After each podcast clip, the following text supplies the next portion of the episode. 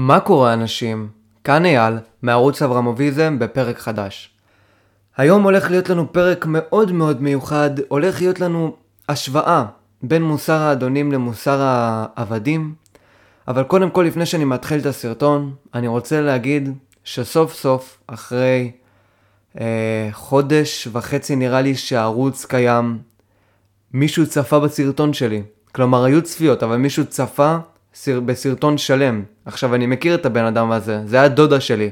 אבל זה עדיין לדעתי התקדמות מאוד מאוד גדולה בערוץ שלנו. סוף סוף מישהו סיים פרק שלם באברמוביזם, ואני מאוד מאוד התרגשתי, מאוד שמחתי שמישהו אשכרה שמע איזשהו פרק בפודקאסט שלי אברמוביזם.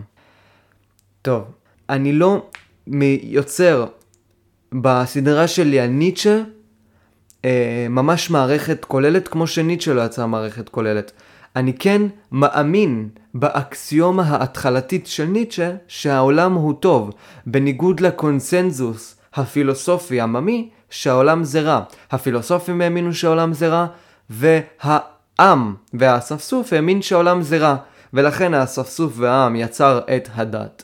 והפילוסופים יצרו כל מיני מערכות מופשטות ענקיות גדולות כמו שפינוזה וקאנט ויום ואפלטון שאין להם שום קשר בתכלס לעולם הזה ומי שצפה אה, בפודקאסט שלי אה, על הפיזיקה רואה כמה אני ביקרתי את החשיבה הדדוקטיבית, חשיבה שהייתה עם אריסטו, חשיבה שהמשיכה עם הפילוסופים וחשיבה שהתבטאה לדוגמה עם הלכאורה תלמידים של אריסטו והם הסנהדרין והחז"ל. והסנהדרין והחז"ל לא באמת בדקו שום דבר בעולם הזה, הם פשוט אמרו מה שהגיוני להם, בדיוק כמו אריסטו ובדיוק כמו הפילוסופים. הם התחילו עם כל מיני אקסיומות, אקסיומות אלוהיות אם אנחנו מדברים על סנהדרין, או אקסיומה שהיא ספר התנ"ך, ומשם הם התחילו לבנות כל מיני ערכים וכל מיני דברים על העולם. כך היה אריסטו, עם ההנחות הבסיסיות שלו בספרים שלו, כמו הפוליטיקה, האתיק, האתיקה הניקומחית והפואטיקה, וגם זה היה אה, עם כל הפילוסופים האחרים, שפינוזה זה אולי הדוגמה הכי מצוינת. אה, יש לנו את קאנט והסינתזות שלו והדרך שלו לחבר בין אה, המוסר לבין הפיזיקה ולבין הביטול של דיוויד יום לדטרמיניזם מוחלט. וכל אחד בתכלס ישתמש במערכות דדוקטיביות אקסיומטיות שאין להם שום קשר לעולם הזה. ולכן ניטשה, שהוא הבין את הרעיון הזה, הבין שלפילוסופיה אין באמת ערך בעולם הזה. ולכן, אם ניטשה כותב לנו בפסקה אחת משהו, קאנט היה יכול לכתוב 200 עמודים על הפסקה הזאת ולנסות להוכיח אותה. ניטשה לא עושה את זה. גם כל הטענות של ניטשה, מי שעכשיו יתחיל לקרוא אותו, יראה שהטענות האלה הן פסיכולוגיות. הוא מבקר פסיכולוגית את הנצרות, מבקר פסיכולוגית את היהדות, מבקר פסיכולוגית את הסוציאליזם, מבקר פסיכולוגית את האמת וכמעט כל ערך שאנחנו מאמינים בו, אוקיי? הוא מבקר את ערכי המוסר, ובכללי הוא מבקר כל ערך באופן פסיכולוגי גרדה, לא באופן של טיעונים עליונים כאלה, אבסולוטים מוחלטים כמו אולי שפינוזה וכל מיני הגדרות ואקסיומות ו... כל מיני מיליון ואחת דברים שאין להם באמת שום קשר בעולם הזה. סבבה? מה שניטשה עושה זה ביקור פסיכולוגי.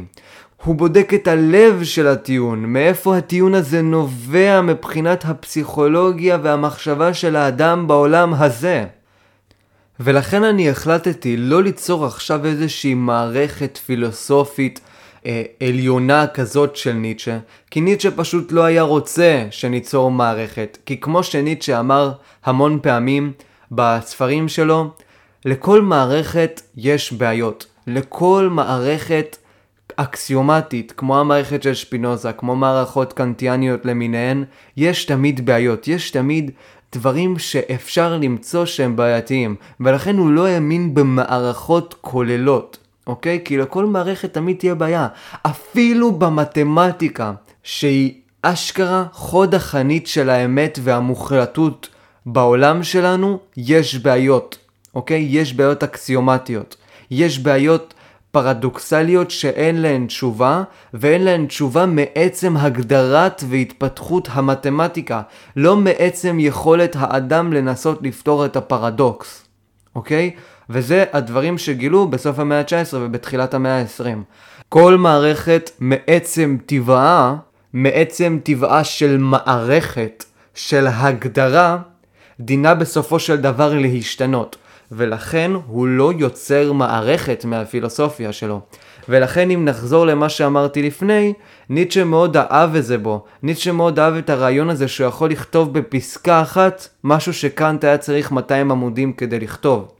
וזה למה לקרוא את ניטשה זה כל כך חשוב. כי אתה מקבל כל כך הרבה מידע במספר מצומצם מאוד של פסקאות, שזה אבסורד. על כל פסקה של ניטשה היה ממש אפשר לכתוב ספר שלם. ספר שלם של טיעונים נגד טיעונים בעד. וזה הגדולה לדעתי של הסופר הזה. סופר שיוצר לנו כל מיני טענות, לרוב טענות פסיכולוגיות, והוא לא מנסה עכשיו לעשות טיעונים על גבי טיעונים כדי להוכיח למה הוא צודק. הוא פשוט אומר את זה לנו, נותן אולי טיעון מחץ, לרוב טיעון פסיכולוגי, ועכשיו אנחנו צריכים לעשות עם זה מה שאנחנו רוצים. לכן, אם היינו עכשיו נותנים לשפינוזה פסקה אחת של ניטשה, הוא היה כותב ספר שלם, או מאמר שלם, בניסיון להוכיח, נגיד עכשיו הוא מאוד מאוד אוהב את הרעיון, אז בניסיון להוכיח את מה שניטשה אמר. ניטשה לא עושה זה, וזה למה זה ממש כיף לקרוא את ניטשה. גם ניטשה פעם אחת אמר, אני יכול לכתוב בשורה אחת מה שסופרים גדולים לא מסוגלים לכתוב בספר שלם. וגם זה עוד איזושהי גדולה של ניטשה. עכשיו, קהל קדוש, מישהו שהשתכנע אולי עם uh, ההערות שאמרתי על הסופר הזה, יכול להגיד לעצמו, hmm, אני רוצה לקרוא את ניטשה, ניטשה מאוד מעניין אותי. עכשיו, תרגיע, אוקיי? לקרוא את ניטשה, קודם כל זה מאוד מאוד מסובך, ודבר שני, צריך הקדמה ענקית בשביל לקרוא את ניטשה. אתה צריך להבין את כל הפילוסופיה שהייתה לפני ניטשה, שזה מה שאני עשיתי אה, חלק מהשנה שלי. בשנה הזאת אני למדתי לרוב פיזיקה ופילוסופיה, ומה שלמדתי בפילוסופיה הייתה פשוט הקדמה מאוד מאוד גדולה, וקריאה של כמה ספרי פילוסופיה.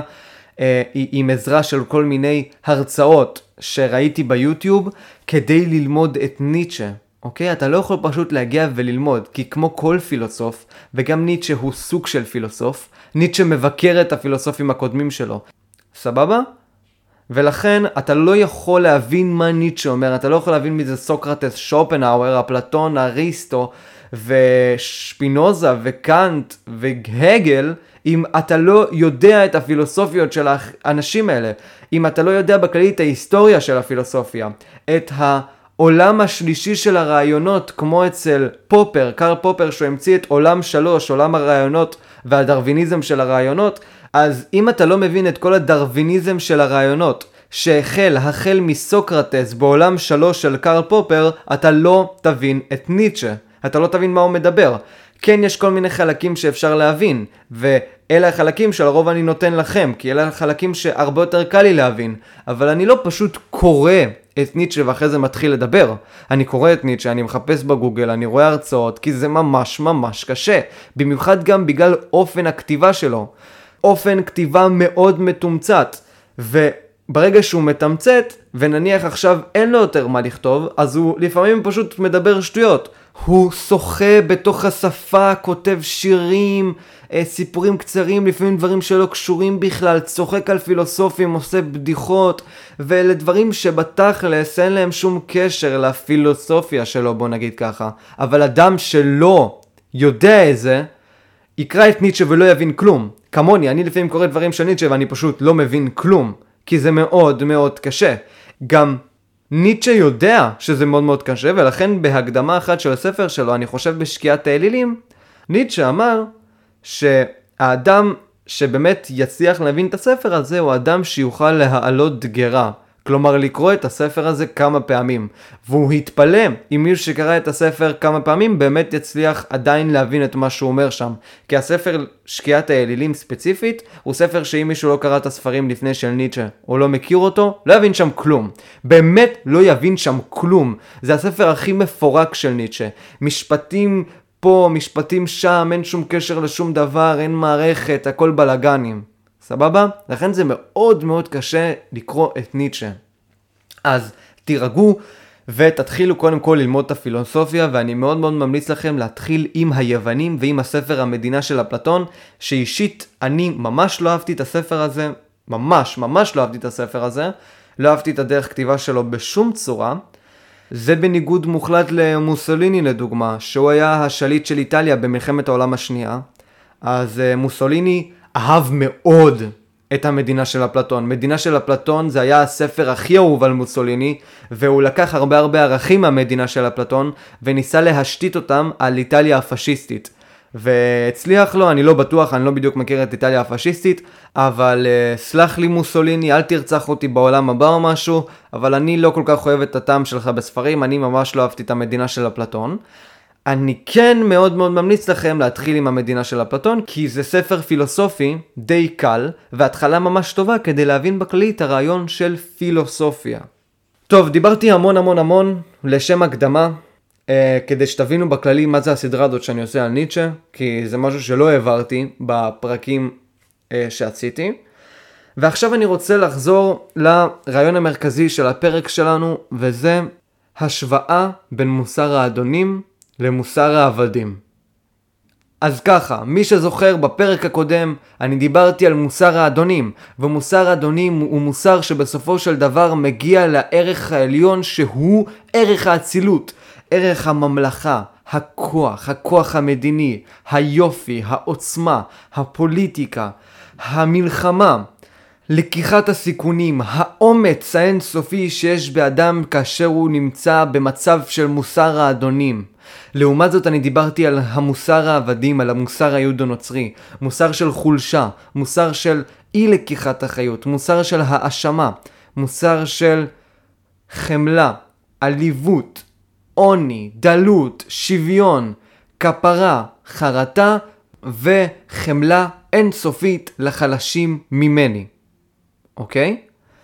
אז ככה, בואו עכשיו נתחיל במעין השוואה מאוד מאוד כללית, אה, בלי דוגמאות, השוואה מאוד מאוד יבשה, אם אפשר להגיד על זה, על מוסר האדונים ומוסר העבדים.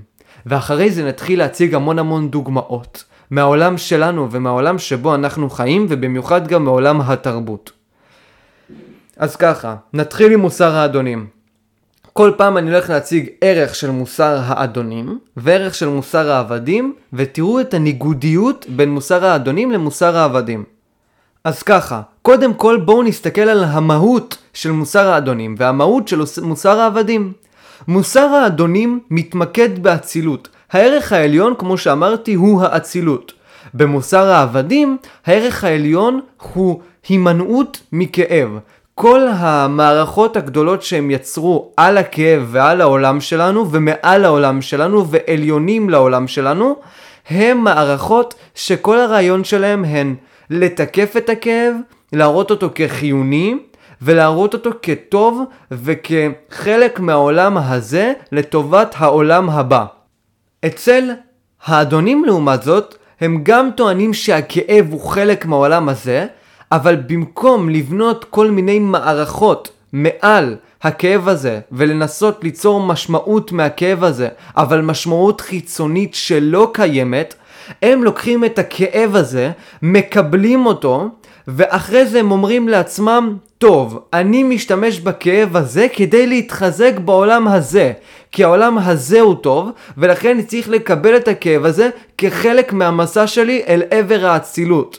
אז עוד פעם, המהות של האדונים היא אצילות, ולכן כאב הוא חלק מהיכולת שלי להגיע לאצילות ולהגיע לגדולה, כמו דוד המלך, ואצל העבדים המהות היא התנגדות לכאב, וקבלת הכאב לא במובן הטוב של התקדמות בעולם הזה והבנה שכאב הוא חלק מהעולם הזה והוא טוב, אלא יצירה של מערכת עליונה, שאומרת שהכאב עצמו הוא רע, אבל הוא חלק ממהלך שבו אני אצליח להשתחרר מהכאב הזה אל עבר מנוחת עולמים ו-the eternal good, הנצח הטוב, הנצח העליון הגדול, שאני כל כך רוצה להגיע אליו. זה לא כמו מוסר האדונים. עכשיו, אני מאוד מאוד רוצה שתבינו מה הולך כאן. מה שהעבדים עושים זה ליצור סכמות מעל הכאב שיצליחו לאפשר לנו להימנע מהכאב האמיתי שקיים בעולם הזה.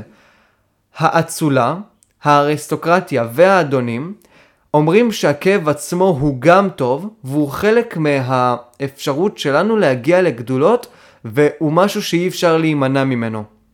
עכשיו דוגמה מצוינת לכך היא בסרט המעולה Fight Club, מועדון קרב, שהיה שם את uh, ברד פיט ועוד איזשהו בחור אחד, וברד פיט הוא כאילו היה חזק כגיבור, והבחור האפס הזה הוא יצר את ברד פיט בגלל שהוא היה אפס. עכשיו זה לא קשור, מה שקשור הוא שתי סצנות מרכזיות שהיו בסרט. עכשיו בסצנה המרכזית הראשונה אנחנו רואים שהדמות הראשית נמצאת במצב תמידי של נדנודי שינה. הדמות המרכזית לא מסוגלת להימנע מהנדנודי שינה הנוראים האלה שהיא נמצאת בה. ולכן היא הולכת לכל מיני כאלה מקומות, לרוב מקומות בכנסייה, שבהם יש כל מיני אנשים שהם חולים לרוב במחלות קשות שאין להם מרפא, כמו אה, שחפת, סרטן וכל מיני דברים כאלה, ומה שהם עושים זה לא לקבל את הכאב ולהתמודד עם הכאב, הדרך התמודדות שלהם היא דרך התמודדות יודו-נוצרית. דרך התמודדות שבה אני יוצר עולם מעל הכאב, עולם שאני מנסה לחתור אליו בזמן שאני נמצא במצב של כאב, ועולם שאמור בתכלס לגרום לי להימנע מהכאב שאני חווה עכשיו. הם אומרים לדוגמה, ברגע שאתה מרגיש כאב, תלך אל המערה שלך, אל האיגלו שלך, ותתחיל לחשוב על מחשבות טובות וכל מיני דברים כאלה, ואחרי זה הכאב יחלוף. והסצנה השנייה המרכזית שהיא נמצאת בערך באמצע הסרט, היא סצנה שמנסה להראות לנו איך אדם צריך להתמודד באמת עם הכאב שלו אם הוא רוצה לקבל עליו את מוסר האדונים. הסרט הזה הוא בכללי מאוד מאוד ניטשיאני, כן? הערכים של ניטשה שם הם מובהקים, כל מישהו שקרא אי פעם את ניטשה או למד על ניטשה יודע שהכותבים אה, קראו את כל הספרים של ניטשה והסרט הזה הוא בכללי מאוד מאוד סרט ניטשיאני שמדבר על הרבה הרבה דברים שניטשה דיבר עליהם כמו עיבוד משמעות, עיבוד יכולת אה, לתקף את הכאב שלי בעולם הזה וכל מיני דברים כאלה ומוסר אדונים ומוסר עבדים. אז עוד פעם אם נחזור עכשיו לסצנה השנייה, סצנה שמנסה להראות לנו דרך התמודדות עם כאב שהיא דרך התמודדות של אדון. מה שהאדון עושה והוא טיילור דורדן שאני קצת קשה לי לבטא אותו כי אין לי מבטא של גויים אז טיילור דורדן, שהוא מעין האלטר אגו או הדמות שהדמות המרכזית רוצה להיות, הוא שופך מעין חומצה אה, על היד של הדמות המרכזית, הוא תופס את היד של הדמות המרכזית, והוא מונע מהדמות המרכזית להגיע אל אותו עולם בתוך המחשבה שלו, להגיע לתוך עולם מנטלי, לתוך אה, איגלו כזה, שבו הוא יכול לחשוב על מחשבות טובות. הדמות של טיילור דורדן ממש מחזיקה לו את היד ומתחילה לצעוק עליו ולהגיד לו עכשיו אתה צריך להתמודד עם הכאב ולהגיד הכאב הזה הוא טוב והוא חלק מההתקדמות שלי הכאב הזה הוא חלק מהעולם הזה. אני לא צריך להימנע מהכאב הזה על ידי יצירת סכמות ועל ידי יצירה של כל מיני דברים אבסולוטיים עליונים שמנסים להפוך את החיים שלי להרבה יותר טובים ופחות אה, ועם פחות כאב. וככה אני אוכל לחיות חיים הרבה יותר רגועים. אם עכשיו תחשבו עכשיו על איזשהו עיקר עלוב שאוכל איזושהי חצי עגבנייה ביום והוא כל הזמן רעב, אבל הוא כל הזמן חושב לעצמו במחשבות שלו על העולם הטוב, העולם שבו הקפיטליסטים העשירים ימותו והאדונים ימותו והוא, הוא יזכה לטוב המוחלט. ועצם המחשבה על הדבר הזה מחיה אותו וכל הזמן גורמת לו לצאת לעבודה. אצל האדון אין דבר כזה. אצל האדון אין סכמות מטאפיזיות שהאדם מנסה בשכל שלו להגיע אליהם כדי לנסות להימנע מהכאב. האדון אומר הכאב הזה הוא חלק מהחיים שלי כי אני עכשיו נמצא במצב של אדם גרוע. אם, לאד... אם לאדם הזה יש באמת מנטליות של אדון. האדם עם מנטליות של אדון אומר עכשיו אני נמצא במצב גרוע, הכאב הזה נובע בסך הכל מתוך הגריעות והעליבות שלי בעולם הזה, ולא מתוך איזשהו ציווי מטאפיזי עליון. ולכן אם אני רוצה להימנע מהכאב הזה ולהגיע לאצילות שהיא מצב שבו אני כן נמצא בכאב אבל לפחות הכאב שלי הוא טוב בעולם הזה ויש לו ערכים ואיזושהי תפוקה בעולם הזה אני צריך לפעול. אני לא צריך להיות אותו עיקר עלוב שמצליח ליצור עגבנייה וחצי ביום ולשרוד על העגבנייה הזאת עם קצת מים וכל יום לבכות. אני צריך להתקדם וליצור עכשיו חווה חקלאית ענקית. ואחרי זה אולי הכאב שלי בזמן יצירת החווה יהיה גדול, נוראי, ואני כל יום יהיה לי מאוד מאוד קשה לבנות את החווה הזאת, אבל בסופו של דבר אני אזכה לגן עדן, אפשר להגיד, בעולם הזה. אוקיי? יהיה לי הרבה יותר אחריות, אבל היא תהיה אחריות משמעותית. לכאב שלי יהיה משמעות, אוקיי? ואיזה משמעות? יש שתי משמעויות. הצגתי לכם את משמעות האדונים ואת משמעות העבדים. משמעות העבדים היא עוד פעם יצירת סכמה מטאפיזית שאני יכול לברוח אליה ולהימנע מה, מהעולם הזה. והמשמעות של האדון היא הגברת העוצמה והאצילות בעולם הזה על ידי הכאב. לכן הכאב אצל האדונים הוא כלי והוא ממש חלק גדול מהחיים שלו, חלק גדול מלהגיע לאצילות, ואצל החקלאי העלוב ומוסר העבדים, הכאב הוא בסך הכל מעין טרדה, שלא מייצגת את הטוב המוחלט של אלוהים, היא רעה, היא לא טובה, ולכן הם נמצאים במנטליות כל הזמן, מנטליות של עבדים. מנטליות שבה, אוקיי, הכאב שלי הוא רע, הכאב שלי לא יוצר לי דברים גדולים כמו הכאב אולי של האדון, ולכן אני חייב להמציא לעצמי משמעות עליונה מטאפיזית שתתקף את הכאב שלי ותאפשר לי לברוח מהעולם הזה אל עבר המטאפיזיקה ועולם הגדולה והעולם הבא. אוקיי? אני מאוד מאוד מקווה שהבנתם את ההפרדה הזאת בין מוסר האדונים למוסר העבדים בעניין הכאב. מוסר האדונים מקבל את הכאב כקיים בעולם הזה על מנת להגביר את העוצמה והאצילות, מוסר העבדים לא מקבל את הכאב בעולם הזה, אומר שהכאב בעולם הזה הוא רע, לא מאשים את עצמו בגלל הכאב שלו בעולם הזה, ובגלל זה הוא חייב ליצור ערכים מטאפיזיים שיתקפו את הכאב הזה, ולא לפעול הרבה יותר קשה ולהגביר את הכאב שלו על ידי יצירה לדוגמה של עסק ומשכון הבית, ואז בסופו של דבר להשיג גן עדן בעולם הזה אחרי משהו כמו 20 שנה של עבודה. הוא לא יכול לעשות את זה בגלל המנטליות העבדית שלו והמנטליות הכבשית שלו, ולכן הוא חייב לבנות לעצמו את המטאפיזיקה האלוהית. שימו לב לשינוי בין הערכים שנובעים מהאצולה לבין הערכים שנובעים מהחולשה. ערכים שנובעים מהחולשה הם אותם ערכים שמנסים לצמצם את הכאב שלי בעולם הזה שנובע מתוך החולשה. הערכים של האצולה הם ערכים שמנסים לחזק את הכאב שלי בעולם הזה באיזשהו אופן כדי להגיע למעמד אצולה. והערכים האלו הם הגברת הפופולריות, הגברת העושר, התחזקות פיזית, מנטלית, הגברת עוצמה, אה, לקיחת סיכונים, פתיחת עסקים וכל מיני דברים כאלה. רוב האנשים לא מצליחים בסופו של דבר להגיע לאצולה. האנשים שמצליחים להגיע לאצולה, מצוין. האנשים שלא מצליחים להגיע לאצולה, ועדיין נשאר בהם מוסר האדונים, אוקיי? תקשיבו טוב עכשיו. מה שהם עושים, זה קודם כל הם מאשימים את עצמם בזה שעכשיו הם נכנסו לחובות של מיליוני דולרים, והם אומרים לעצמם, אוקיי, אני הגעתי עכשיו למצב, נגיד הם עכשיו בני 60, חובות של מיליוני דולרים והם חלשים, פיזית, אז הם הגיעו עכשיו למצב שבו אין סיכוי שהם הולכים עכשיו לא לחיות כעבדים כל החיים שלהם. אבל מה הם אומרים לעצמם?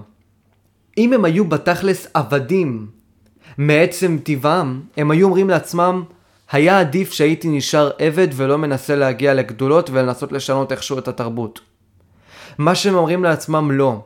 החיים שלי היו כל כך ראויים, כל כך גדולים, כל כך מעוררי אה, התפלאות, כל כך אינטנסיביים, שבמקום עכשיו לשבת כמו עבד ולקנות ספר מספריית הפועלים ולשבת ולקרוא אותו עם מזגן, אני הלכתי ויצרתי והפכתי עולמות והפכתי את החיים שלי לראויים לכתיבת ספר. החיים שלי עצמם עכשיו הם סרט. החיים שלי הם סרט על אדם חזק. שנכשל ועכשיו הוא נמצא בחובות, ואפשר ליצור מזה איזשהו סרט, אבל אי אפשר ליצור סרט מאדם עלוב.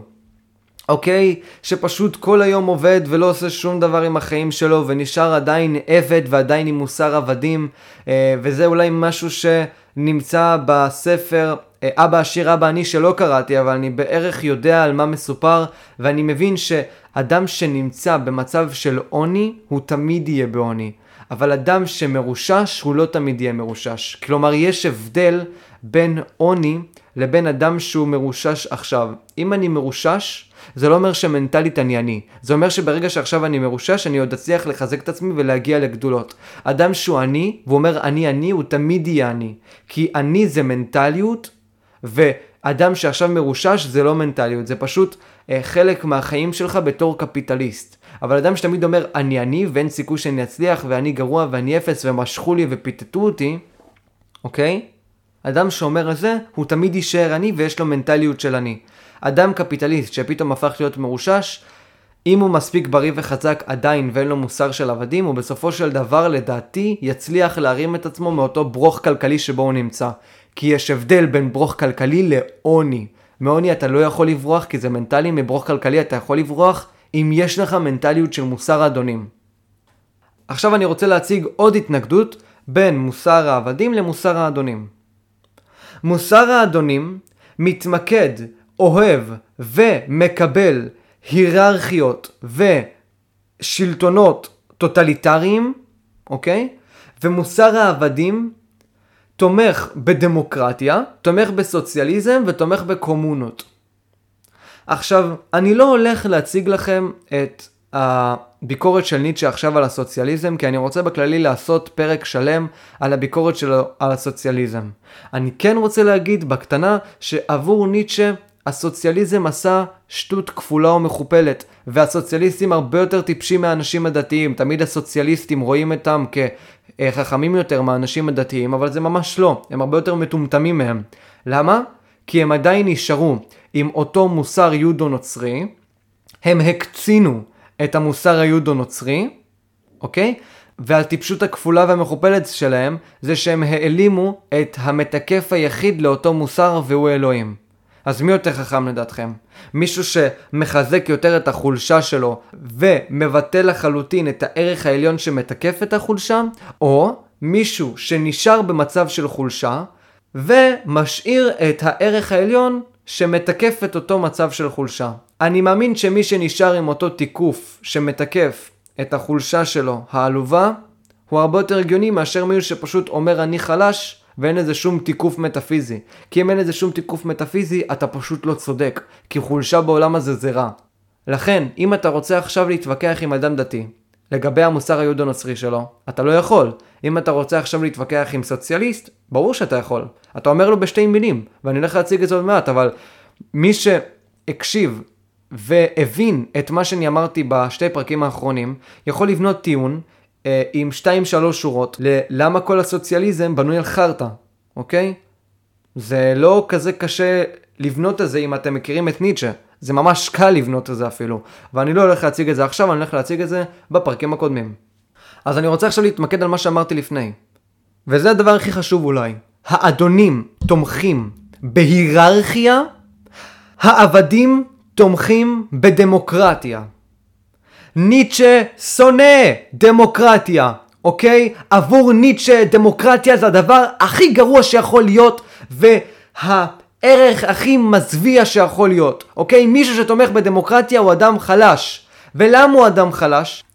כי עבור ניטשה היררכיות הן דבר חשוב, היררכיות הן דבר קיים, היררכיות בעולם הזה לא יכולות להיעלם, אוקיי? אין דבר כזה כל בני האדם שווים. זה לא קיים, אוקיי? כי יש קריטריונים מסוימים שהם הקריטריונים של העוצמה, שאותם אני הולך להציג בפרקים הבאים. יש קריטריונים מסוימים שמציגים עליונות של אדם אחד על אדם אחר. ולכן ליצור דמוקרטיה, ושוויון קולות, ושוויון בין בני אדם, וכל בני אדם שווים, זו טיפשות מוחלטת. אוקיי? זה לא באמת נכון. לא באמת נכון במיוחד כשיש היררכיה אובייקטיבית שנובעת כולה מהעוצמה. ברגע שאני רוצה שוויון, זה אומר שאני חלש. זה בדיוק המהפכה הערכית שהיהודו-נוצרים רצו, אוקיי? אני מתנגד לרעיון שיש אחד שמבין בפוליטיקה יותר ממה שאני מבין בפוליטיקה, ולכן אני פשוט אומר אז אוקיי, כל בני אדם שווים, לכל בני אדם יש זכות להצביע, כל בני אדם חכמים, כל בני אדם חזקים. לכל בני אדם מגיע את אותם זכויות. למה? ניטשה שואל את עצמו, למה? מאיפה נבע הרעיון הזה?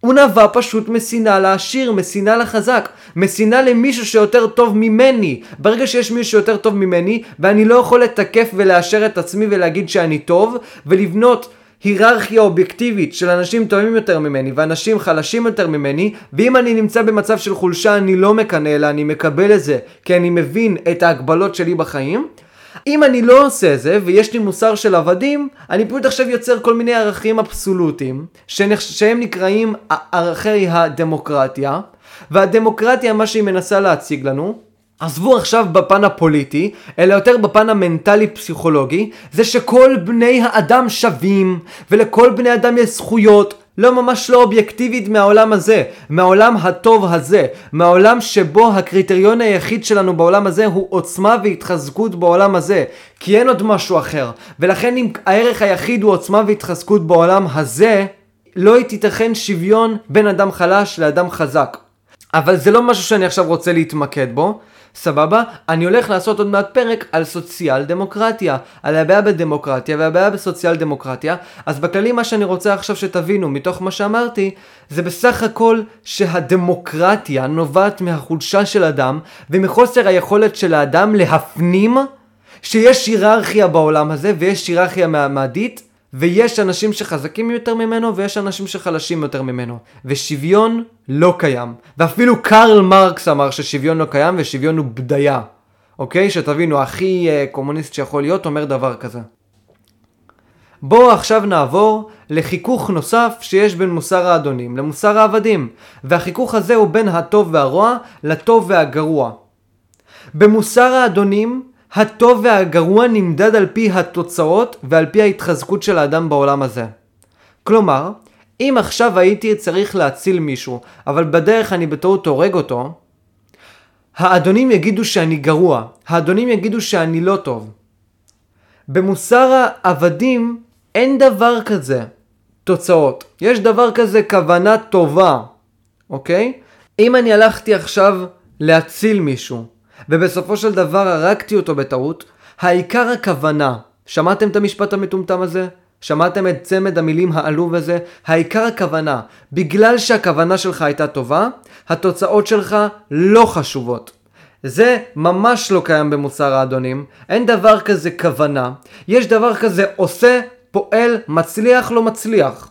אוקיי? אם אתה לא מצליח אתה גרוע, אם אתה מצליח אתה טוב. יש גרוע ויש טוב. במוסר העבדים יש כוונה טובה. בוא נראה מה הייתה הכוונה שלו. אצל מוסר העבדים זה הכוונה. כל הבסיס של מוסר העבדים זה הכוונה. למה הוא התכוון, לא למה יצא. לא למה הוא עשה בפועל, אלא מה הוא התכוון לעשות. אוקיי? מאיפה נובע הרעיון הזה שבו אנחנו בוחנים פעולות של אדם לא על פי התוצאות אלא על פי הכוונה הטובה שלו? בדיוק מתוך החולשה היהודו-נוצרית. היהודו-נוצרים לא יכולים ליצור דברים גדולים בעולם הזה, ולכן יש להם רק כוונות. יש להם רק כוונות לעשות משהו. יש להם רק כוונה. ולכן, ברגע שעכשיו אני יוצר מוסר שכל התשתית שלו היא הכוונה, לא יכולים להאשים אותי בסוף ולהגיד שאני גרוע. הכוונה שלי הייתה טובה, ולכן אני צודק, אני בסדר, אני טוב במוסר היהודו-נוצרי, לא עשיתי שום דבר רע, הכוונה הייתה טובה. אני בטעות הרגתי אותו בסוף, אבל הכוונה שלי הייתה טובה.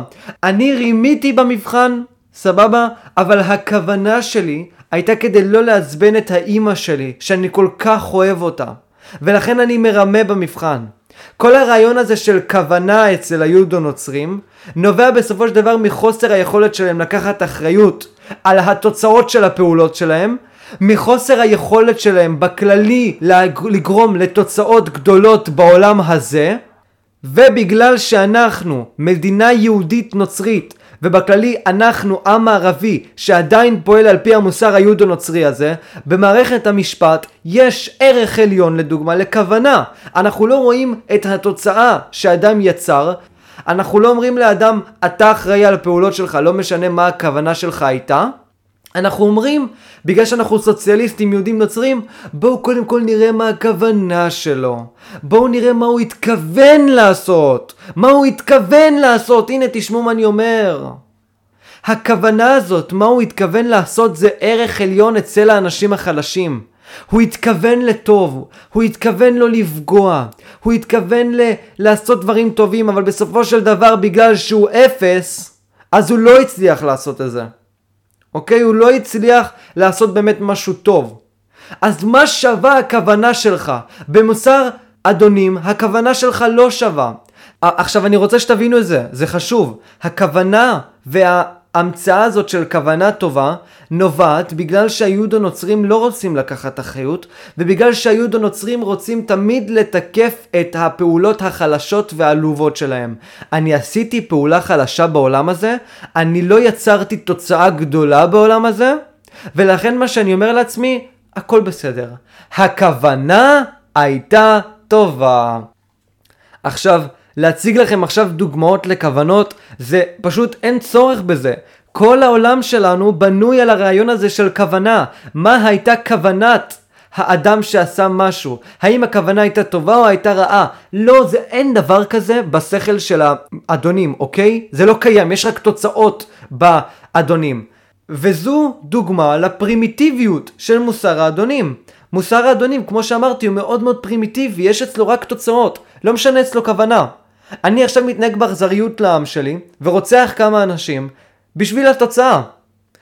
מה שניטשה אומר, וזה משהו מאוד מאוד מעניין, מי שמכיר את היוטיליטריאניזם, את השיטת מוסר הזאת, מה שנקרא, שנקראת תועלתנות, שיטת מוסר עלובה בעיניי, בעיני דוסטויבסקי גם, וגם בעיני ניטשה, מה שניטשה אומר, זה שהם לקחו את השיטה הזאת של תוצאות, סבבה? התועלתנים לקחו את השיטה הזאת של תוצאות והפכו אותה לגמרי. במקום להגיד עכשיו התוצאות למען העוצמה בעולם הזה הן הטובות, התועלתנים לוקחים את אותו רעיון אדוני, אבל אומרים עכשיו שהדבר הטוב בעולם הזה הוא מקסימום עושר ועונג למקסימום של אנשים. במקום עכשיו להגיד מקסימום של עוצמה, מה שהתועלתנים עושים זה מקסימום עושר ועונג, כלומר התנגדות לכאב בעולם הזה, לכמה שיותר אנשים. לכן התועלתנים לרוב סוציאליסטים מאוד ואפילו קומוניסטים, אוקיי? כי הם מאמינים בערך העליון הזה שלדוגמה עדיף מוות של אדם אחד על פני חיים של 100 אנשים. עכשיו זה הדוגמה הכי מוקצנת שיכולה להיות, אבל בסופו של דבר אין להם באמת את ההסתכלות הזאת על עוצמה, אלא יש להם רק את ההסתכלות על הנאה, עושר בעולם הזה, והגברה של ההנאה והעושר בעולם הזה לכמה שיותר אנשים. וזה אולי הערך הכי חשוב, לכמה שיותר אנשים. לכן הם סוציאליסטים. הם לא מאמינים באינדיבידואל, הם מאמינים בחברה. החברה צריכה להיות מאושרת, החברה צריכה רווחה. למה החברה צריכה רווחה? אחרי שרצחתם את אלוהים? לא יודע. לא, לא חשבתי על זה האמת. אה, וואלה, אני לא יודע מה להגיד לך.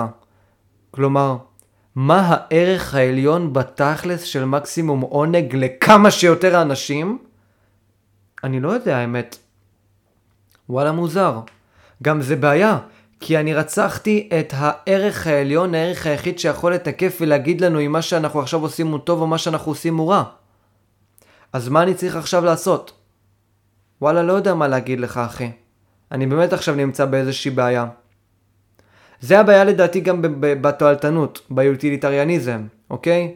היוטיליטריאניסטים הם בתכלס, מבחינת המערכת המוסרית שלהם היא הגיונית, אוקיי? היא מאוד הגיונית, ואנחנו משתמשים בהרבה הרבה ערכים תועלתניים, כמו לדוגמה סל התרופות, מי צריך לקבל תרופות, מי לא צריך לקבל תרופות, זה לגמרי חשיבות תועלתניות, אבל הערך מאחוריהם והעקרונות מאחוריהם, כמו לדוגמה מקסימום אושר לכמה שיותר אנשים, הוא מעורפל. למה לכמה שיותר אנשים? מה עם ההיררכיות בין האנשים האלה? איך אתה מגדיר אנשים? מה, זה סתם פשוט קבוצה? אם עכשיו יהיה לך 50 אנשים חזקים ו-50 אנשים חלשים, למי צריך לבוא האושר? למי צריך לבוא העונג? לחזקים, ל-50 חזקים או ל-50 חלשים? למי? אוקיי? תחשבו שנייה על הדבר הזה, כי זה מאוד מאוד חשוב. למי צריך לבוא העונג והאושר הזה? לחמישים חזקים או לחמישים חלשים? אבל בתכלס אני לא תועלתני, ואין לי שום קשר לתיאוריה הזאת, ויש לי בסך הכל דבר אחד בראש שלי. רצון לעוצמה, התחזקות העוצמה. לא משנה עכשיו כמה אנשים, אם זה קבוצה או בן אדם אחד. התחזקות העוצמה.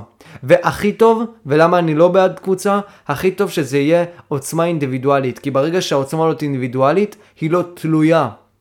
כי אם העוצמה נוצרת עם חבורה של הרבה הרבה אנשים, מה העוצמה הזאת שווה עבורי? אני עוצמתי רק כשאני בקהילה, אני לא עוצמתי לבד, ולכן אני חלש. לכן העוצמה צריכה להיות עוצמה אינדיבידואלית, עוצמה של האדם החזק שהוא לעצמו. עוצמה שהוא מאשר את עצמו, את התכונות שלו, ויוצר בעצמו. אבל זה בפרקים הבאים. עוד משהו מאוד מאוד מעניין שרציתי להגיד, זה הדיאלקטיקה. או הדיאלקטיקה. כמה שאני לא אוהב דיאלקטיקה, וכמה שעכשיו אני יוצא צבוע כשאני אומר שאני לא אוהב דיאלקטיקה. לדידו של ניטשה, ו... על זה אני הולך להרחיב המון בפרקים הבאים. הכלי היחיד של החלשים הוא האינטלקט, המחשבה והדיאלקטיקה, אוקיי? האדונים לא צריכים להתווכח, הם לא צריכים להשתמש בדיאלקטיקה כדי להגיד לך מה לעשות. החזקים מצווים, אוקיי? אני עכשיו נפוליאון, אני אומר לצבא שלי, לכו דרומה. אם נפוליאון היה חלש, נפוליאון היה צריך להסביר לצבא שלו למה הולכים דרומה. הוא היה צריך עכשיו להציג להם טיעונים ללמה הולכים דרומה. ואם הוא היה עושה את זה, זה אומר שהנשק היחיד שנשאר לו הוא האינטלקט, השכל והמחשבה. אבל לדעתו של ניטשה, וזה אולי אחת המחשבות המהפכניות ביותר שלו, כל הדיאלקטיקה והוויכוח ומה שאני עושה עכשיו, נובע מתוך החולשה של האדם. זהו הכלי האחרון שנשאר לאדם כאשר אין לו יותר כלים אחרים. אם אדם חזק, הוא מצווה, הוא אומר אתה עכשיו תלך ותעשה את מה שאני אומר לך. אני לא צריך בכלל להסביר לך למה אתה צריך לעשות את זה, אוקיי? אני חזק, אני מחליט.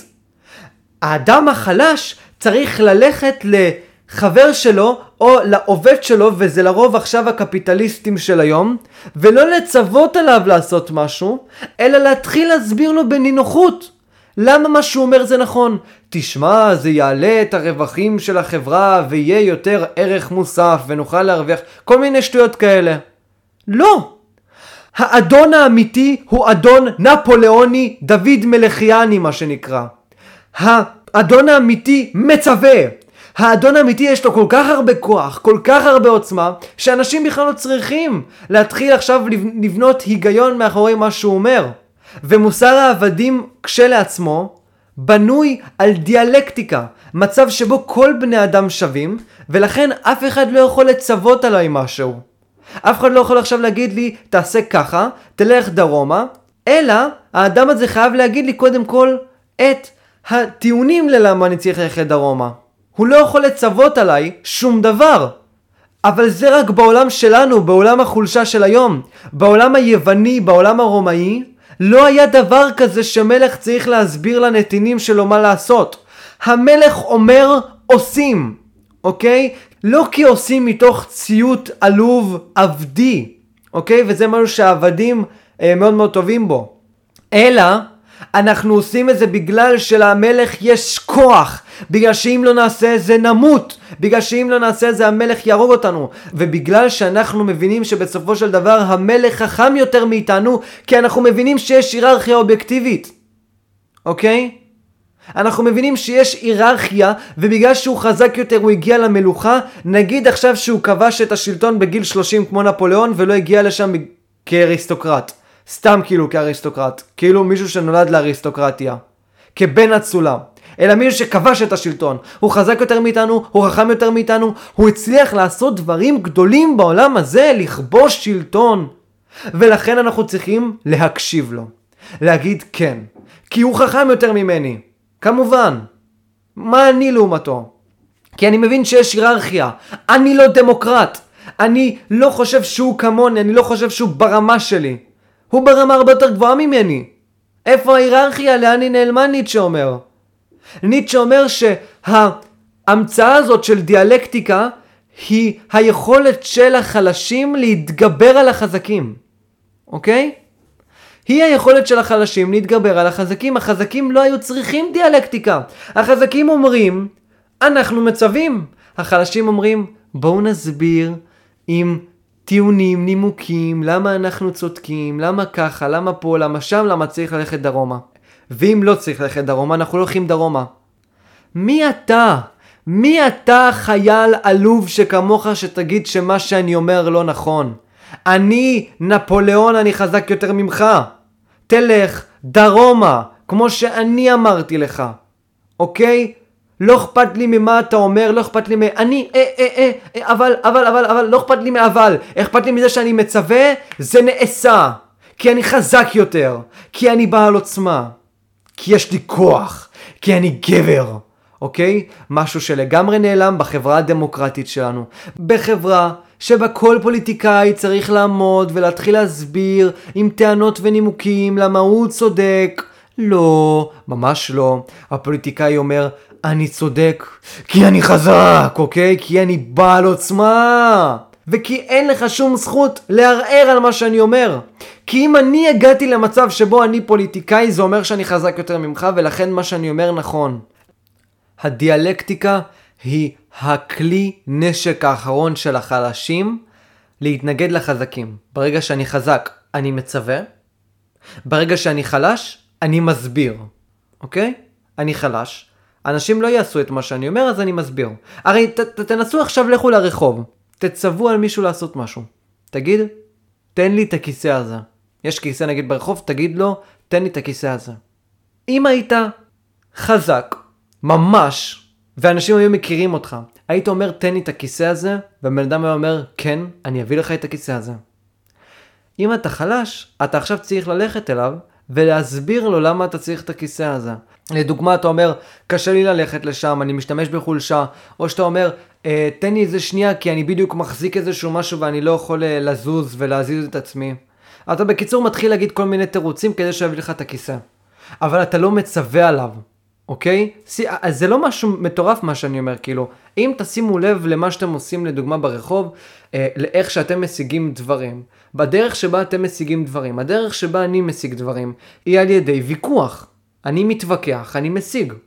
אם הייתי חזק, וזה מה שניטשה אומר בסוף, אם הייתי חזק, לא הייתי צריך להתווכח. הייתי פשוט אומר, וזה היה נעשה. וזה מה שאני כל כך אוהב גם בחרדים. החרדים רואים באלוהים כל כך חזק, כל כך עליון, שהם לא כמו דתיים עלובים, מסורתיים עלובים, אומרים לעצמם, אני עושה רק חלק מהמצוות של אלוהים. אם אלוהים מצווה, אני עושה. כי אלוהים חזק יותר ממני. כי אלוהים לא צריך להסביר לי עכשיו למה אני צריך לעשות את זה. אלוהים מצווה, דרכי האל נסתרות, תפקידי הוא לציית. אוקיי? זה מה שרציתי עכשיו להגיד על הדיאלקטיקה. עכשיו זה כן יכול להביא איזושהי סתירה, כי בפרק הראשון במוסר העבדים, אני דיברתי על הרעיון הזה של ציות, אבל הציות הניטשיאני הוא לא הציות היהודו-נוצרי. הוא לא הציות שבו אני מציית כי אני שונא את הקפיטליסט שלי, ואני מבין שברגע שאני אציית אני לא אמות. אני מציית כי אני מבין שיש היררכיה אובייקטיבית ואני מבין שיש אנשים שחכמים יותר ממני. אני לא הכי חכם. זה מה שניטשה רוצה להראות לנו. לא ציות מתוך שנאה לקפיטליסט, לא ציות מתוך פחד, לא ציות מתוך אה, איזושהי מנטליות עבדית כזאת של אני מציית כל הזמן כי אני פשוט אפס, אלא ציות מתוך הבנה שעכשיו עומד מולי אדם חזק, אדם שמצווה עליי, ולכן אני חייב להגיד כן, אני עושה את זה כי אתה חזק יותר ממני ואני מעריך עוצמה. אתה עוצמתי, אתה הגעת לעוצמה שלך, אני עוד לא הגעתי לעוצמה הזאת, ולכן בגלל שאני מעריך עוצמה, אני עושה את מה שאמרת לי. זה מה שניטשה אומר לנו כאן. טוב, בואו נחזור לתקופה הרומאית אחרי ישו ועד 323 לספירה. הנוצרים היו, כמו שאמרתי כבר כמה פעמים בפודקאסט, קהילה מאוד מאוד קטנה ברומא והם כל הזמן התפתחו והתפתחו עד שבשנת 323 האימפריה הרומאית הפכה להיות אימפריה נוצרית, כלומר הדת המרכזית שם הייתה נצרות. עכשיו אם מישהו יסתכל בספרי ההיסטוריה הוא ישים לב שכל הזמן שהייתה מלחמה באימפריה הרומאית הנוצרים תמיד רצו שלום והאדונים תמיד רצו להמשיך במלחמה למען הגאווה, המדינה וההתחזקות. זה מזכיר לכם מישהו קהל קדוש? הפציפיסטים והשמאלנים של היום. אני כבר אפילו לא יודע אם אני רוצה לעשות את הפרק הזה על הסוציאליזם, כי אני באמת בטוח שכל אחד מבין את הבעיה בסוציאליזם כבר, ובשמאלנים ובפציפיסטים. התנגדות לעולם הזה, חולשה תמידית אינסופית, התנגדות לבעיות בעולם הזה, אל עבר ערכים אבסולוטיים כמו פציפיזם, כמו סוציאליזם, מצב שבו אני מבטל את ההיררכיה האובייקטיבית, אני מבטל את עוצמות האדם והתחזקותו של האדם למען שוויון. אני לא אשכח קהל קדוש, אני לא אשכח את ג'רמי פוגל, מי שמכיר את ג'רמי פוגל, עושה פודקאסט שקוראים לו Think and Drink, והוא אמר לעצמו דבר מאוד מאוד יפה. הוא אמר, הרבה אנשים אחרי ההרצאות שלי מגיעים אליי ואומרים לי, גבר, וואי אתה ממש ניטשיאני, וואי אתה ממש שופנהאווריאני, וואי אתה ממש שפינוזיסט. ואז הוא אומר לא, אני לא אף אחד מהם, אני אדם של רעיונות, אני אוהב רעיונות. לא בחרתי לעצמי עדיין פילוסופיה מרכזית שדרכה אני הולך. האומנם, ג'רמי פוגל? האומנם? וסוציאליזם קיצוני, זה לא פילוסופיה שאחריה אתה הולך? ולהגיד שאתה תומך במיסים כבדים לעשירים, זה לא פילוסופיה שאחריה אתה הולך? למה? למה לקחת מעשירים מיסים כבדים יותר, ג'רמי? האם זה לא שוויוני? האם שוויוני הוא לקחת מיסים מכולם בשווה בשווה, לדוגמה 20% מכולם? ג'רמי? אני לא אשכח שג'רמי אמר גם, למה פשוט שלא ניצור מצב שבו האדם יוכל נגיד מהאדם הכי העני ביותר להשיג לדוגמה פי מאה יותר ואחרי זה יהיה לו גבול. יהיה גבול לאושר של העולם. ואחרי זה תראו איזה מדינה שוויונית תהיה לנו. איזה יופי. ואז הוא אמר ככה למרצה שהגיע לפרופסור מואב אה, בפודקאסט שלו על אה, סוציאליזם, שוויון וקפיטליזם. אז הוא אמר לדוקטור מואב, לפרופסור מואב, זה לא נראה לך מגניב? זה לא נראה לך מגניב שאנחנו ניצור איזושהי סוף לכמה עשיר אתה יכול להיות? ואז ככה יהיה הרבה יותר עשירים, ויהיה הרבה יותר שוויון, וכולם יוכלו ליהנות מהפירות העבודה שלהם, וכולם ייהנו ויהיה כיף, ויהיה שוויון, ויהיה אהבה וחמלה, ויהיה הרבה אה, עזרה ונדבות וכל מיני שטויות כאלה, ולא יהיה את העשירים הגדולים האלה, הקפיטליסטים הגדולים, שמדכאים את העלובים, את הפשוטים. מה, זה לא יהיה מגניב? פרופסור מאוהב כמובן שהוא קפיטליסט והוא עם שכל אמר, מה קשור, זה לא. אבל תראו את, ה, את הצביעות השמאלנית קהל קדוש, את הטיפשות השמאלנית קהל קדוש, תראו אותה כאן. מה זאת אומרת לעצור את הכמות כסף שאדם יכול להשיג? אתה מתנגד כאן למטרה, לרצון להגיע לאיזושהי מטרה מסוימת, איזשהו ערך עליון שלא ניתן להתחמק ממנו בתרבות האנושית. התרבות האנושית וכל אדם בכללי אינדיבידואל רוצה להגיע לאיזשהו ערך, גם אם הערך הזה הוא הפוך מערך הטוב. ואני רוצה להדגיש את זה, וזה בדיוק הרצון לעוצמה של ניטשה. אדם רוצה תמיד להגביר את העוצמה שלו בתחום מסוים. ולכן עכשיו להטיל וטו, ולהגיד זהו, מספיק, אתה לא יכול יותר להרוויח כסף, אז מה עשינו בזה? כלומר, קפיטליסטים גדולים לא יהיו לנו, קפיטליסטים גדולים לא יהיו לנו, זה אומר שלא יהיו הרבה יותר מקומות עבודה לאנשים. קפיטליסטים גדולים שלא יהיו לנו, זה אומר שלא יהיה ניתן להשקיע הרבה כסף במניות ובשוק ההון, ו... להרחיב ולהגביר את עוצמתם של חברות אחרות. קפיטליסטים גדולים אומר שלא יהיה לנו SpaceX, אומר שלא יהיה לנו אה, אה, טיסות לחלל, אומר שלא תהיה התקדמות אנושית. כל המפגרים האלה שאומרים, תביאו את הכסף הזה שאתם מבזבזים על SpaceX, ומבזבזים על Blue Shift, ומבזבזים על בכללי כל החקר חלל הזה, שבתכלס אין לו שום ערך, בתכלס באמת אין לו שום ערך. אה, אולי בזוס אומר שהוא רוצה לחצוב כל מיני דברים בירח, אני לא כל כך מאמין בפרויקט הזה. אני בתכלס מאמין בפרויקט של מאסק, להתקדם כמה שיותר. אל עבר היקום ולהרחיב יותר את האפשרות של האדם לטייל בחלל. אה, זה לדעתי מטרה הגיונית יותר מאשר לחצוב דברים בירח ואחרי זה להעביר אותם לכדור הארץ, כי מה זאת אומרת, אחי, אתה יודע כמה דלק צריך בשביל זה? כאילו, אני לא מזלזל עכשיו בבזוס, אוקיי? אני יודע שהוא חכם ואני יודע שהרעיון הזה הוא אה, אמפירית יכול להתקיים, פשוט הוא קצת נראה לי... קצת אה, אה, קפיצה מעל הפופיק מה שנקרא, אפילו קצת יותר אילון מאסק, אבל בקיצור, אה, כל המפגרים האלה אומרים, אה, תביאו את כל הכסף הזה לעניים, בואו נשפר את, ה- את העניים, נביא להם כסף. למה? למה? אני שואל. למה אתה רוצה להביא לעניים האלה את הכסף? שאנחנו משקיעים אותו למען התקדמות אנושית. התקדמות אנושית, הגברת העוצמה היא ערך עליון.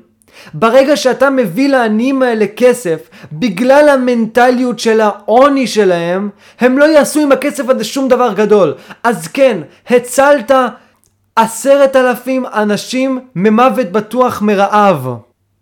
אוקיי, מה זה, למה, מה זה עשה טוב בעולם הזה? הם בסך הכל חיו כמה שנים, במקום למות בגיל 20, מתו בגיל 50. ומה זה עשה? למה זה טוב?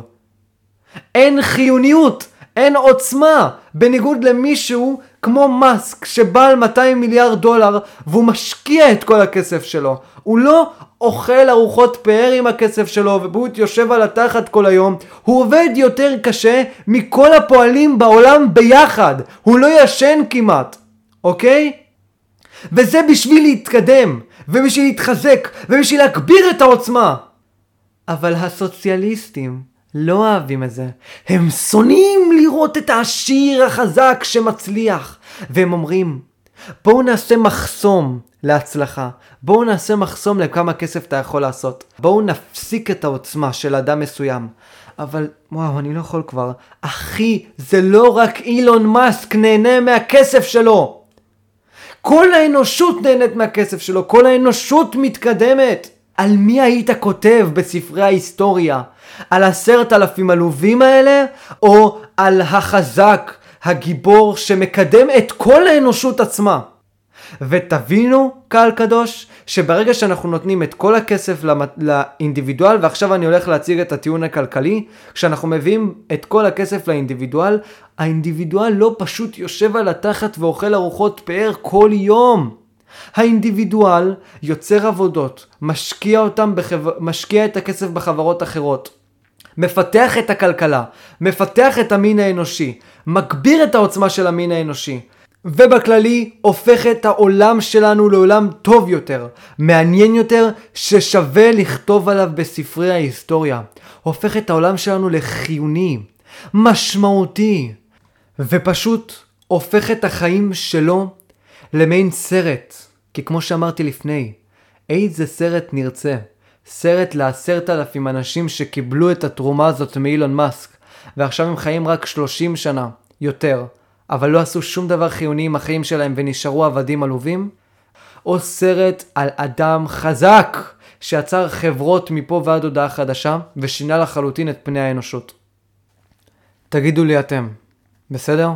תגידו לי אתם מה הרבה יותר חיוני, מה הרבה יותר נעלה לראות בקולנוע. הסרט העלוב על עשרת אלפים האנשים, או הסרט על החזק שיוצר משהו, או אפילו סרט על עשרת אלפים אנשים שיוצרים משהו, כי העשרת אלפים אנשים האלה שקיבלו את התרומה, לא יוצרים כלום. כלום. סבבה? ועכשיו הם אומרים כזה, לא, ממש לא, אה, כמו שמרקס אומר, הם, הכוח עבודה שלהם הוא עליון, הוא אינסופי, והם רק מרוויחים 40 דולר, למרות שכוח העבודה שלהם שווה 70 דולר. לא נכון. כוח העבודה שלהם שווה 40 דולר כי הם לא קפיטליסטים. כי יש להם ראש קטן, סבבה, יש להם ראש קטן, והם לא באמת נמצאים במצב שהקפיטליסט נמצא בו. אין להם את המנטליות כדי לש, לשלוט, לפעול ולנהל על כל כך הרבה עובדים. לכן המנטליות הזאת שווה את ה-30 דולר שהקפיטליסט לוקח מהם, סבבה? הקפיטליסט מחזיק את הכל בידיים שלו. ומי שהיה אומר לי, נחזור שנייה למה שאמרתי מקודם, מי שהיה אומר לי שהוא רוצה לראות סרט על אותם עשרת אלפים עלובים, שנשארו עלובים אחרי שהם קיבלו את התרומה, אבל עכשיו עלובים פחות רעבים, הוא משקר. אנחנו אוהבים אנשים חזקים. אנחנו שונאים אנשים חזקים בעולם הזה, אנחנו אוהבים לראות אנשים חזקים בקולנוע, בעולם הבא.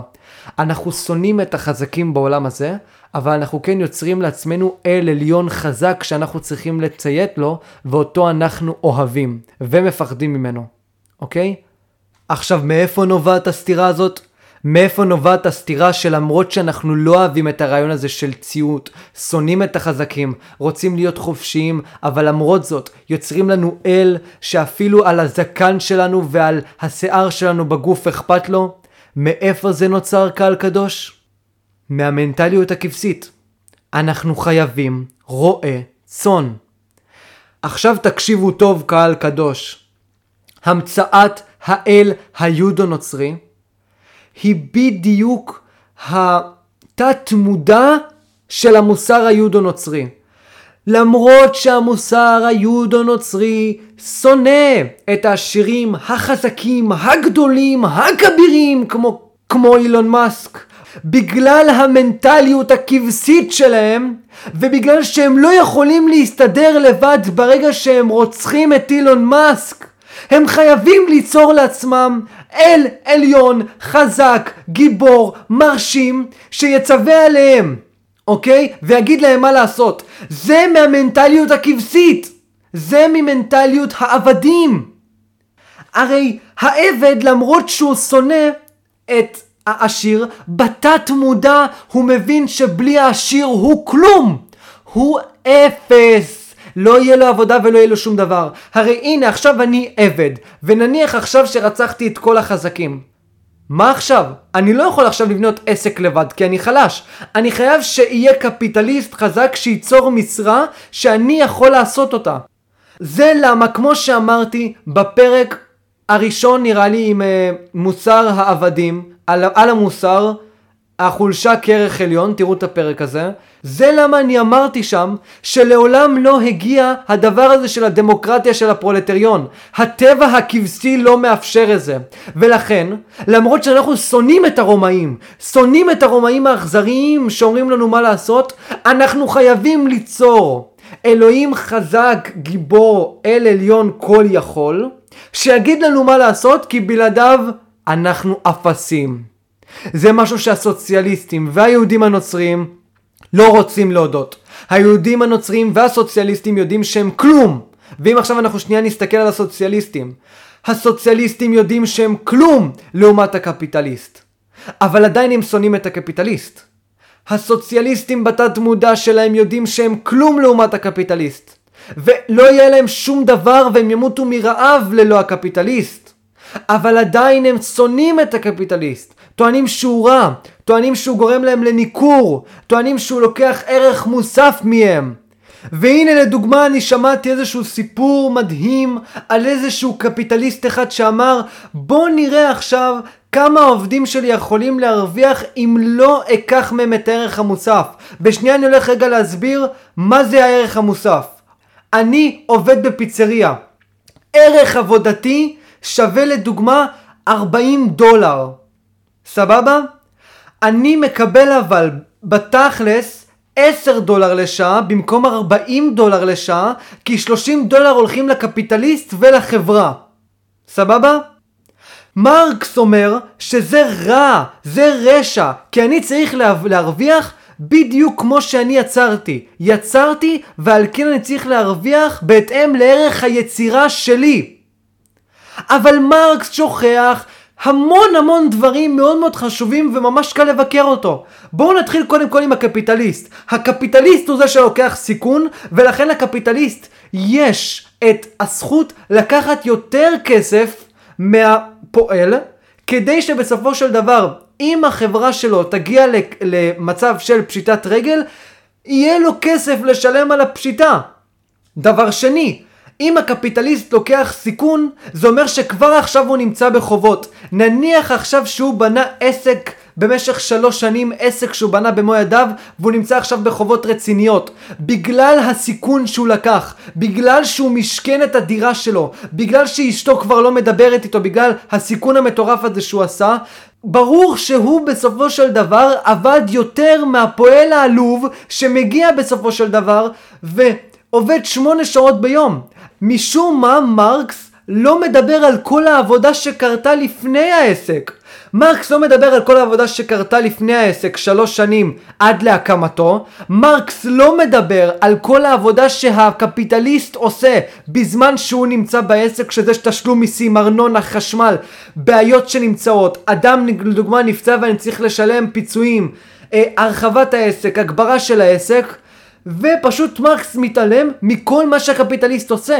הקפיטליסט עושה דברים הרבה יותר קשים. לא רק שהקפיטליסט לוקח סיכון, וזה סיימתי עם הטענה הזאת, הקפיטליסט עושה כל כך הרבה דברים קשים בניגוד לעובד ראש קטן שעובד שמונה שעות והולך הביתה, שבהכרח הוא צריך לקבל יותר כסף מהעובד העלוב.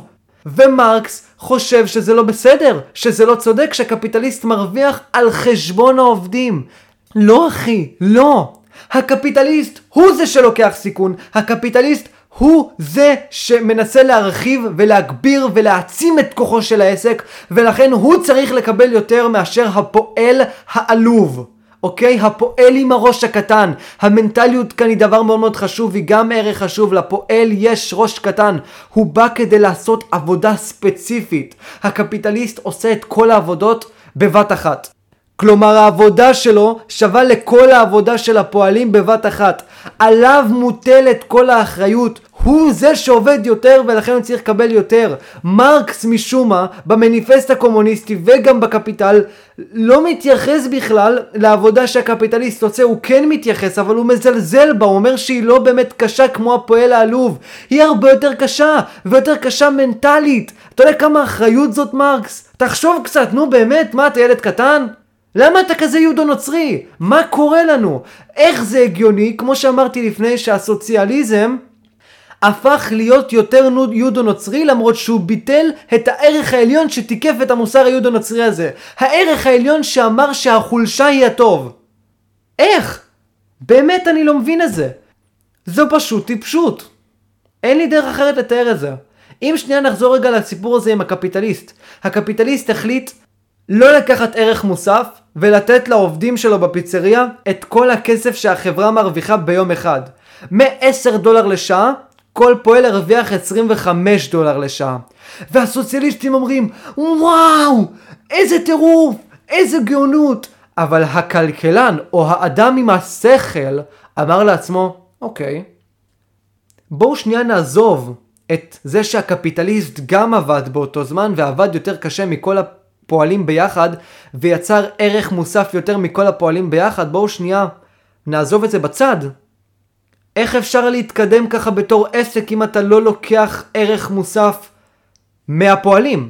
עזבו עכשיו צודק לא צודק, נניח עכשיו שאני עם הסוציאליסטים, נניח עכשיו שעכשיו אנחנו ככה הולכים לעשות את החברות שלנו. איזה יופי, איזה יופי כזה שסוף סוף הקפיטליסט לא שולט עלינו ואנחנו אשכרה מרוויחים כמו שעשינו. עכשיו נוכל לקנות דברים יותר, ויהיה לנו נחת כלכלי, ונוכל לעשות דברים גדולים בעולם הזה, כל אחד לחוד. לא.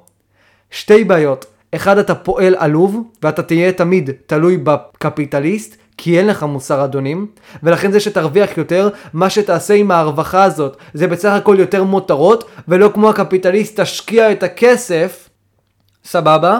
ודבר שני, איך אפשר להתקדם כעסק כאשר כולם מרוויחים כמו שהם צריכים להרוויח? עכשיו מה שאני אומר כאן זה סוג של סתירה, כי אני אמרתי שהקפיטליסט מרוויח אה, כמו שהוא צריך להרוויח, כי הקפיטליסט באמת עובד הכי קשה. אבל עכשיו שנייה נהיה מרקסיסטים. אה, נבטל את העבודה של הקפיטליסט. נגיד שזה ממש אפילו כמו קומונה כזאת. הקפיטליסט רק מצווה עלינו והוא לא עושה יותר שום דבר חוץ מהציווי, ואנחנו פשוט פועלים.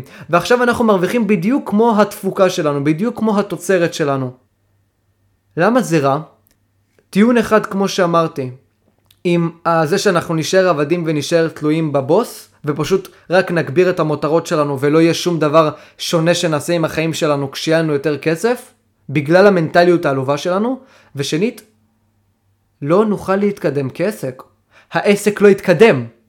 לכן אנחנו סתם נעבוד, סתם ניתן את אותה סחורה שוב ושוב ושוב, ולא תהיה התקדמות של העסק, כי שום רווח לא מגיע לעסק עצמו. כל הרווח בסופו של דבר מגיע לאנשים שפעלו ויצרו, ואז לא תהיה שום התקדמות בעולם הזה אף פעם. כי אתה גם מביא את כל הכסף לפועלים שלא יעשו שום דבר עם החיים שלהם, וגם החברה עצמה לא תתקדם כי לא יהיה לה בסיס כלכלי שעליו ניתן להתקדם. כשיגיעו לישיבת צוות וישאלו אוקיי מה אנחנו רוצים לעשות, לדוגמה אנחנו רוצים לעשות שיפוץ, הקפיטליסט יגיד מגניב מאוד בוא נעשה שיפוץ, בוא נפתח רגע את הקופה של העסק, אפס שקל, לעסק אין שום דבר. ומה יקרה ברגע שהעסק ייפול לקרשים? הקפיטליסט יישאר עם כל החובות והם יברחו עם כל הכסף לכאורה שהם הרוויחו לבד ביושר. למרות שאני הסברתי שזה לא נכון כי הקפיטליסט עושה הרבה יותר עבודה. זה, זה הבעיה שלי, קהל קדוש. זה הבעיה שלי עם הטיפשות השמאלנית, עם הטיפשות היהודו-נוצרית, עם זה שהשמאלנים זה פשוט חיקוי עלוב ליהודו-נוצרים, וזה הכל אותו דבר ואותו מרק עלוב, ולמרות שהשמאלנים לרוב הם אלה שלא מאמינים באלוהים, הם הכי מאמינים באלוהים, והם מקצינים את האמונה שלהם באלוהים. כי להאמין באלוהים זה לא רק להאמין באיזושהי ישות טרנסצנדנטית שאומרת מה לעשות. להאמין באלוהים זה לעשות את מה שאלוהים אמר ולקיים את מה שאלוהים אמר. אני עושה את מה שאלוהים אומר ואני מקיים את מה שאלוהים אומר בתחום המוסר. בתחום המוסר זה התחום בתכלס הכי חשוב, כי בתכלס התנ"ך זה ספר קודם כל מוסרי, ואם אדם עכשיו פועל באופן מוסרי אבל לא עושה לגמרי את ההלכות והמצוות וכל הדברים האלה זה גם איכשהו טוב. אבל אם מישהו עושה את כל ההלכות והמצוות ולדוגמה עושה פאות ושם כיפה אבל רוצח היינו אומרים שזה רע. סבבה? כי קודם כל הדבר הכי חשוב זה המוסר. אבל תראו את הטיפשות השמאלנית. אנחנו עובדים בדיוק כמו היהודו נוצרים. אנחנו מקצינים פי אלף את המוסר היהודו-נוצרי ומבטלים את הערך העליון שנתן תיקוף להתנהגות שלנו. טיפשות, טיפשות, טיפשות ועוד פעם טיפשות. טוב, קהל קדוש, אני כבר רוצה לסיים את הפודקאסט הזה, את הפרק. Uh, הסיבה לכך היא כי אם אני אמשיך וארצה לדבר על כל הדברים שאני רוצה לדבר, הפרק ייקח שעתיים וחצי. עכשיו, שעתיים וחצי זה מוגזם, אף אחד לא הולך לשמוע שעתיים וחצי רצוף, אף אחד לא הולך לשמוע שעתיים וחצי בחלקים. אז אני הולך לעשות חלק ב' לפרק הזה. בחלק ב' הדיון שלנו יהיה פחות תיאורטי, כי עכשיו הדיון שלנו היה מאוד מאוד תיאורטי, והולך להיות יותר אה, פרקטי אפשר להגיד, יותר נמצא במציאות ובחיים האמיתיים. אני הולך להציג לכם כל מיני תופעות ולהגיד האם זה מוסר האדונים, האם זה מוסר העבדים, ואתם תנסו גם להגיד אה, בעצמכם, בראש שלכם, כשתאזינו לפרק, מה אתם חושבים, האם זה מוסר אדונים או מוסר עבדים. אני מקווה שהבנתם סוף סוף את השוני בין מוסר האדונים למוסר העבדים. מוסר האדונים, אצילות, לקיחת אחריות, מוסר עבדים, חוסר לקיחת אחריות, חולשה.